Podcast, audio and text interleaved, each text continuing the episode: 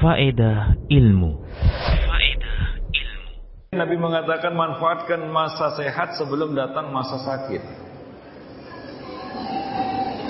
Kesehatan itu nikmat Yang harus kita jaga. Dan ingat ya Sehat itu seperti nikmat-nikmat yang lain. Nggak bisa turun dari langit begitu saja, nggak harus diupayakan itu. Antum dapat uang apakah turun dari langit? Cari uang kan? Demikian juga sehat, harus cari sehat. Itu nikmat itu. Karena setelah sehat akan ada masa sakit. Nggak ada manusia yang nggak sakit lah. Antum sepanjang hayat sampai sekarang apa nggak pernah sakit? Berkali-kali ya. Yang paling sering sakit hati. Iya kan? Yang paling sering sakit hati. Tiap hari soalnya. Para jemaah yang dimuliakan Allah. Ya. Jadi ada masa sakit itu. Makanya dikatakan oleh para ulama, sehat itu adalah mahkota. Sehat itu adalah mahkota yang ada di kepala orang sehat. Tidak ada yang bisa melihatnya kecuali orang sakit. Orang si sehat itu nggak bisa melihat mahkota dia itu. Maka kalau antum orang sakit, antum lihat orang sehat gimana? Iri ya. Apalagi sakit gigi itu ya. Itu paling kesel lihat orang ketawa itu.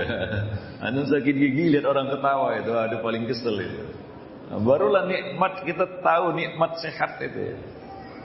Ketika kita jatuh sah, sakit, lihat orang sehat itu, waduh, kayaknya beruntung kali lah orang ini. Apalagi sakitnya parah, sudah terbaring lemah di atas dipan itu. Lihat orang sehat itu, waduh, luar biasa. Yang kita harapkan adalah dapat sehat, ya.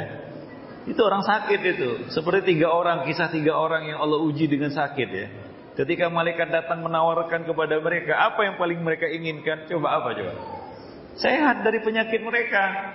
Itu yang mereka harapkan itu. Bukan harta yang mereka minta, itu bonus. Ya, malaikat itu memberikan uh, onta yang bunting, sapi yang bunting, kambing yang bunting itu bukan permintaan mereka. Ketika malaikat menawarkan kepada mereka apa yang kalian inginkan, yang satu kena sakit pada kulitnya, ya, kena penyakit kusta, sopa. Yang satu kena penyakit pada kepalanya, gugur rambutnya. Yang satu buta. Ketika malaikat menawarkan kepada mereka apa yang paling kalian inginkan, apa jawaban mereka bertiga? Sembuh dari sakitnya. Itulah berharganya sehat itu. Ketika kita sakit, yang kita ingat adalah sehat, bukan harta.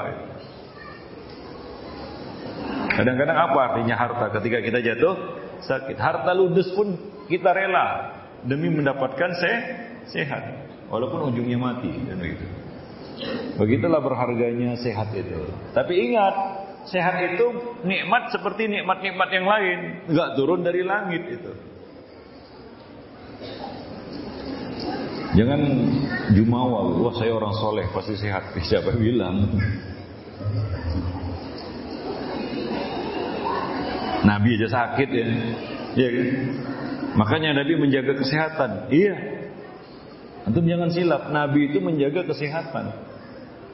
Sunnah-sunnah Nabi itu semuanya muaranya menjaga kesehatan. Makan jangan kenyang-kenyang kan begitu ya. Berhenti sebelum kenyang. Makan setelah lapar kan gitu ya.